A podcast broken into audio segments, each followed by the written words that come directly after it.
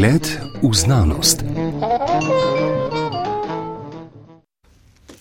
Lepo zdrav vsem, ki nas poslušate. V obdobju pandemije COVID-19 je nemalo ljudi prvič v življenju slišalo za zadevni test PCR, kar ne pomeni nič drugega kot test z metodo verižne reakcije s polimerazo.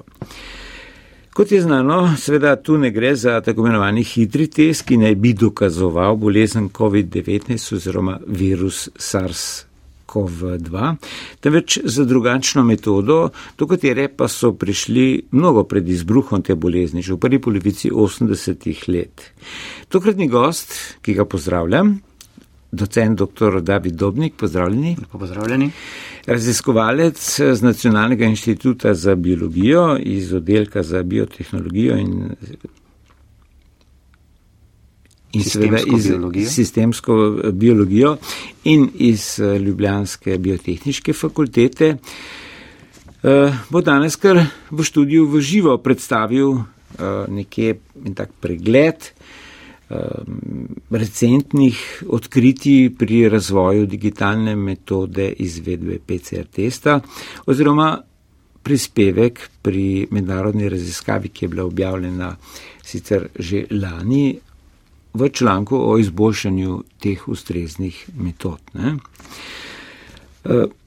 Ta pogovor nama omogoča za regleri Grega Žumr, pred mikrofonom pa sem Goran Tenze. Doktor David Dobnik, vi delate sicer na optimizaciji digitalne PCR in razvijate večtarčno metodo digitalne PCR, s katero se v primerjavi z to klasično PCR anali, torej metodo analizira več genetskih odsekov hkrati ne, kar po naveselje ekonomistov pomembno zmanjša stroške digitalne PCR. No, ampak rekel sem, da bova naredila en tak pregled, namreč ta članek omenjen je bil objavljen v ugledni reviji Clinical Microbiology Reviews, ne, ki je naredil tak pregled in načrt za prihodne izbruhe. To se pravi, v bistvu je bil en tak pregled, kako ne bi se za ob morebitnih različnih izbruhih, a ne, katere metode uporabljale, če prav razumem. Ja, nekako tako. Mogoče na začetku smiselno, da predstavim verižno reakcijo s polimerazo, torej PCR kot tako. Metoda sega že, začetki segajo že v 80. leta, ko je bil odkrit ta princip pomnoževanja odsekov nukleinskih kislin. In od takrat se je metoda v bistvu imela takšne evolucijske korake.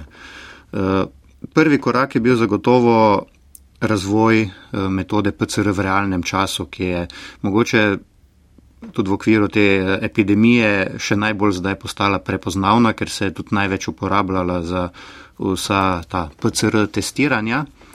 In ta PCR v realnem času je v bistvu omogočil, da to pomnoževanje teh nukleinskih kislin z razvojem neke fluorescence preko fluorescentno značenih reporterjev spremljamo res v realnem času, torej vidimo, kako hitro se začne ta fluorescenca povečevati, kar je v bistvu znak, koliko je bilo na začetku tega, te tarče, ki jo pomnožujemo, prisotne. Pol naslednja evolucijska stopnja PCR reakcije pa je bila digitalna PCR. Tukaj pa v principu gre praktično za enake stvari, ki so v reakciji kot pri PCR v realnem času, le da reakcijsko mešanico razdelimo v ogromno enih manjših podreakcij, ki jih potem spremljamo vsako zase. In prav ta razrečitev samega vzorca v te razdelke v bistvu daje prednost tej digitalni PCR na področjih, kot je recimo iskanje nekih redkih tarč v ozadju ogromnega števila ostalih, ali pa recimo iskanje oziroma pomnoževanje fragmentov v reakciji, kjer so prisotni neki inhibitorji reakcije, ki v splošnem onemogočajo potek reakcije, tukaj pa jih razrečimo v te majhne razdelke in potem nima več takšnega vpliva. Pred dodajo, ko so se pogovarjali, ste mi dali zanimivo primerjavo, recimo temu vizualno, praktično, ne, kako to človeku, ki ni biotehnologije študiral ali pa ni naravoslovec. Rekli ste, predstavljate si en velik sod ping-pong žogic in zdaj noter je ena, ki je oranžna, večina ostale so bele. Ne? In zdaj, kako jo bomo našli? Ne? Ja, zdaj, če je velik sod, ne, je kar težko skozi ta sod brskati, brskati za tisto eno. Ne. Recimo, druga prispodoba bi lahko bila iskanje uh, šivanke v kopici sena. Uh, no, če pa te, uh, ta sod žogic razsujemo v ogromno enih manjših veder, čisto na ključno, pa pogledamo vsa ta vedra, recimo od zgoraj uh, na vzdolj, pa bomo tisto eno lahko našli precej lažje oranžno, ker je bomo v bistvu videli, ker se bodo te maj, majhne žogice porazdelile po vedrih in potem v nekaterih vedrih mogoče ne bo nobene žogice, v nekaterih jih bo več, ampak v vsakem primeru pa bo tista ena osamljena oranžna precej, uh, jo bo precej lažje identificirati kot uh, v tistem velikem sodu. Mhm. Poglejte, doktor Dobnik, res je, da tistega, ki se boji, da, bi, da ima COVID-19, seveda ta metoda, kot vemo, ni uporabna samo pri tem. Ne. Tukaj je še veliko, mogoče bo kaj o tem malo kasneje rekla. Skratka, tistega, ki to potrebuje, ne, to je eventualni bolnik, v končni štanci ne zanima detaljna pripoved o tem, kako je digitalna PCR narejena, zgrajena, odkot je izšla. Ne? Zanima ga končni rezultat. Ne? Vseeno pa bi bilo zanimivo slišati za tiste, ki jih zanima nekaj več, ne? ker pomnoževanje ge, torej pred genomom, ne? torej pred poznavanjem genoma, sploh pa recimo pri človeku, uh, mislim, da zdaj že krepkih 20 let, 2001, so predstavili knjigo človeškega genoma v Združenih državah Amerike, se je sveda znalo eh, gene nekako klonirati, ne? ampak to je bil izjemno dolg postopek. Ne?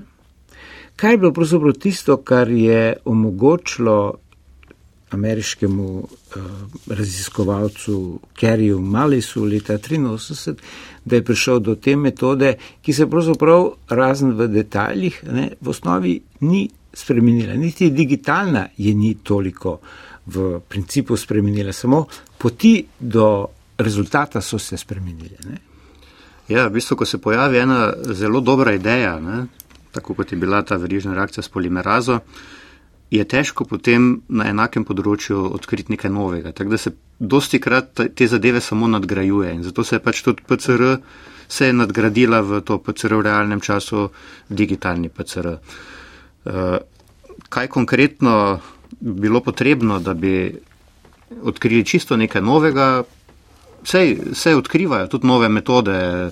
Eh, izotermalnega pomnoževanja, kar pomeni pomnoževanje pri isti temperaturi, ne pa pomnoževanje pri različnih, kot je to v, pri PCR-ju.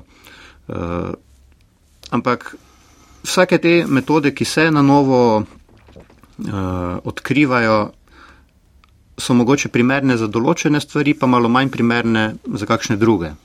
Tako da je na koncu pač nam, raziskovalcem ali pa tudi potem končnim uporabnikom, je pomembno to, da metoda, ki jo uporabljajo, najprimernejša oziroma najboljša za zadevo, ki jo želijo uh, ugotoviti uh, ali pa odkriti.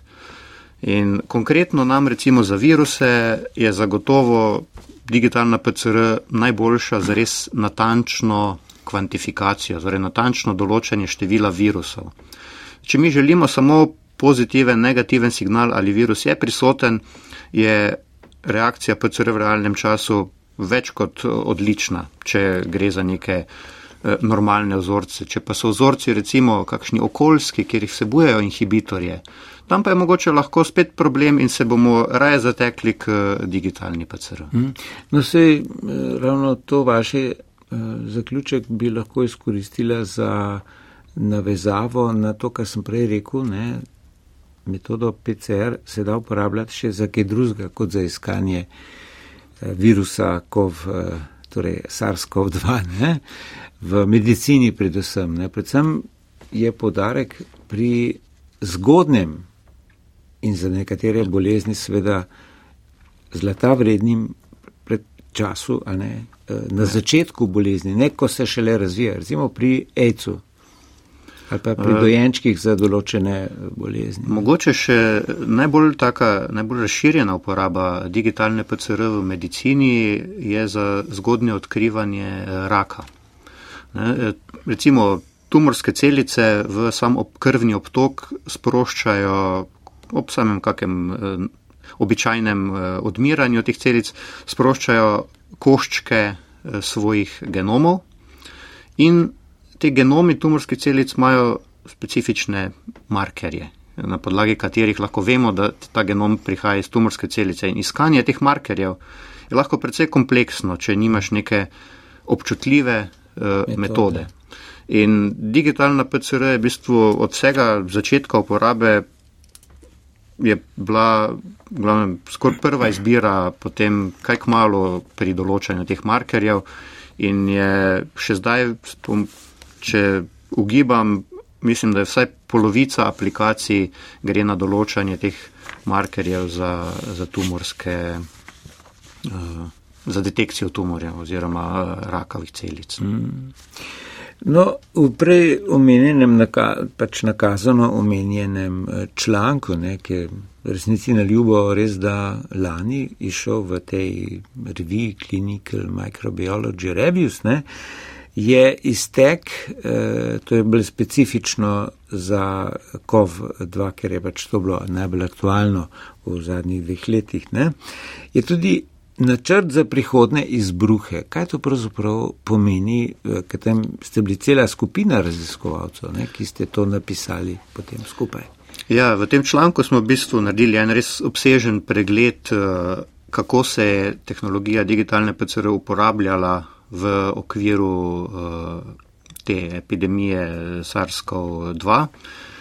Kot načrt pa smo v bistvu predlagali, kako bi se ta tehnologija lahko ob naslednjih uh, pojavih, izbruhih uh, uporabila za vem, hitrejši odziv, za bolj natančen odziv. Ne.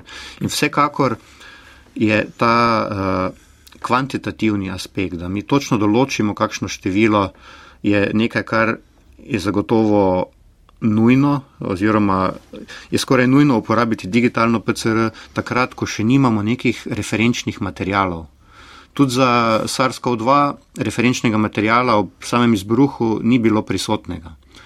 Uh, in je bilo tudi tisti material, ki so ga potem kasneje naredili, treba natančno ovrednotiti. In, uh, druga pač skupina uh, sodelavka je sodelovala v eni skupini, ki je prav ta referenčni material za digitalno PCR uh, eh, ovrednotila in potem ta material bil na voljo raziskovalnim skupinam, da so imeli pač neko, nek vzorec, ki je pač predstavljal točno določeno število kopij, recimo genomov. Uh, Tako da digitalna PCR bi se v prihodnje zagotovo uporabljala kot taka tista nek višji rang metode, ki, se, ki potem omogoči, da lahko uporabljajo znanstveniki tudi ostale metode, ki so mogoče nekaj cenejše, kot je recimo PCR v realnem času. Mhm. No, na Nacionalnem inštitutu za biologijo, eh, bom rekel, se malo hvalite ne, s tem, da ste bili eni od tistih, ki so prvi te detaljirane, sodobne načine te metode PCR razvili. Ne? Zdaj, a so to, najbrž medicinci imajo neke standarde, preden začnejo neko poro, uh, metodo, sploh pa pri taki reči, kot je bila epidemija COVID-19, ki je zarezala v, na, na marsikaterem področju v naša življenja. Ne? Pa me zanima, kaj točno ste razvili v, na inštitutu za biologijo v tej smeri? Mogoče bi začel kar na začetku tistega uh, trditve, ne, da smo bili eni izmed prvih. Uh, to gre nazaj v leto 2012, ko je Inštitut za biologijo v bistvu postal prvi las, laboratorij uh, z digitalno PCR, uh, kaplično digitalno PCR v Evropi. Kar pomeni, da smo pač bili res prvi na tem področju in takrat smo začeli razvijati metode za določanje uh, gensko spremenjenih organizmov, mm, uh, recimo v hrani, uh, z uporabo digitalne PCR uh, bakterije, tudi kakšne druge viruse. In vso to znanje, ki smo ga dobili pač v času, ko je prišlo do epidemije SARS-CoV-2, smo potem lahko uporabili in se hitro vključili na tem področju tudi uh, s to tehnologijo. -hmm. Seveda pa, če se mogoče ne omejimo samo na konkretno epidemijo, eh, vsekakor velja omeniti tudi eh, karakterizacijo virusnih vektorjev, ki se uporabljajo pri genski terapiji.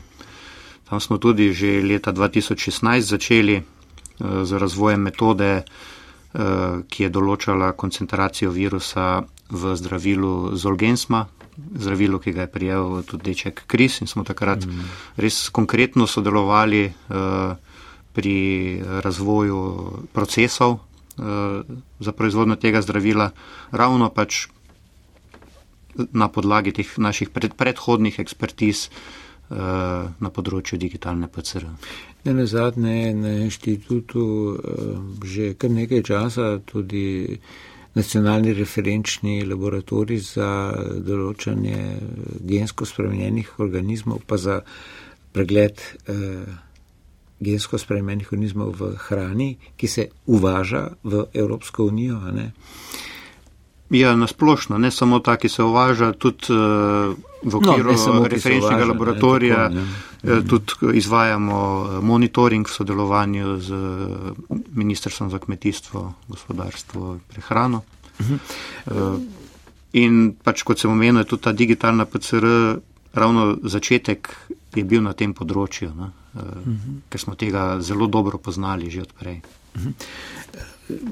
Vi ste se sicer na začetku vaše raziskovalne karijere uh, ukvarjali, torej tudi leta 7, torej 2007 ste zagovarjali doktorsko dizertacijo z naslovom Funkcijska analiza genov s transgenimi rastlinami in razvoj novih metod za določene gensko spremenjenih organizmov. Ne? Zdaj, s transgenimi rastlinami. Ne? Uh, Kakšna pa je v osnovi razlika, mogoče jo povzamete na kratko pred zaključkom najnega pogovora, eh, tako da ne, razumemo, kako je, če se ukvarjaš z rastlinskimi genomi ali pa recimo s človeškimi. Hm. Ja, rastlinski genomi so ponavadi precej večji vsaj recimo v primeru krompir, krompir, krompirja. Niti ne, ne, bi rekel, da še težje. Ne? Ja. V primeru krompirja, tu gre za tetraploid, ne, kar pomeni, da je v bistvu so štiri neke kopije genoma prisotne. Tako da iz tega vidika je človek kar v redu raziskovalni subjekt. Eh. Enostavnejši ja. kot krompir. So pa mogoče, je pa gojenje eh, krompirja v laboratoriju tudi eh, precej lažje kot pa gojenje ljudi. No. Če greva v ekstreme. Ja. Ne, vsekakor. Jaz sem že od začetka bil vpleten v bistvu tak dve poti. Ne. Eno je bilo določanje gensko spremenjenih organizmov, eno je bilo uh, pa priprava gensko spremenjenih organizmov, ne, teh transgenih rastlin, za določanje posameznih funkcij eh, genov. Mhm. Zdaj, inštitut sam ne, pri razvoju cepiv seveda ni sodeloval, to je pač neko drugo področje. Ne.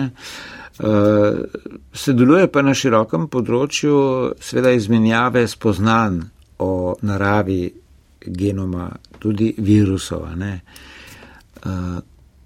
koliko razumevanje torej, teh PCR metod, ne, po vašem mišljenju, pripomore tudi k razumevanju osnov za pripravo cepiva. Hm, ja, zanimivo. Prav vem, da so specializacije ja. so grozljive, ne, mislim. uh, sam, recimo, da same PCR metode pri razumevanju cepiv nimajo kaj veliko, so pa metoda, brez katere ne moremo, ko se gre, recimo, če želimo določiti število kopij posameznih, recimo teh RNA molekul, ki so v cepivu. Takrat je pač zagotovo najnatančnejša metoda uh, PCR. Uh, za razvoj cepiva je pa pač ja, čisto en drug sistem uh, raziskav, no, ki pa pač No, gotovo, ne? čeprav ta revolucionarna novost ne, z, torej z RNA, torej RNK, no, pač po slovensko, ne, eh, je seveda predpostavljala tudi poznavanje teh mehanizmov. Ne. Eh, ja, ta novost iz vedika. Uh, dostopnosti javnosti ne, je, je res eh, revolucionarna. Je pa dejstvo, da so raziskave na tem področju segajo že vsaj 20 let nazaj in so tekom pač časa, ko širša javnost za to ni bila tako zainteresirana oziroma tudi farmacevtska podjetja, ne, so veliko pač uh, ugotovili, eh, kaj in kako je treba pripraviti to RNA molekulo, da v samem telesu potem res od, eh, izzove tisti pravi odziv Izove, in da ni toksična. Recimo, Seveda, znanost pač ni uh, stvar trenutnega odkritja, ampak so vsa odkritja sad, uh, da ne rečem stoletji, ne, uh, nadgraden, spoznan. Ne. Eh, stojimo na, pal, na ramenih velikanov, je nekoč pred stoletji že en velik eh, um rekel. Ne? Eh, doktor David Dobnik, imava še kaj za dodati za to osnovno razumevanje torej teh metod digitalne PCR? Mah, ne vem, se mi zdi, da meni je že zanimivo to, da je v bistvu zdaj PCR reakcija kot taka res je prišla tudi v neko širšo uporabo oziroma vsaj veš, da jo ljudje poznajo že po imenu. Ne. Za samo razumevanje, kako deluje, bi mogoče rabila še kakšno uro ali dve razlag, ampak se pa recimo to, da se pojavlja, da se ljudje mogoče tudi potem sami kaj pobrskajo, nekako mogoče navdaja z upanjem, da bojo ljudje v prihodnje tudi lažje prepoznavali zadevo. No, lep zaključek. Če tako se vam, docent dr. David Dobnik, za tele misli zahvaljujem za tole temo, v kateri smo nekako zelo na grobo, na kratko povzeli, s čim se ukvarjate. Hvala vam za povabilo in tudi eh, hvala vsem eh, poslušalcem, ki so bili z nama. Za to, da so naj uslišali, je poskrbel Grega Žumor, pred mikrofonom pa sem bil Goran Tenze.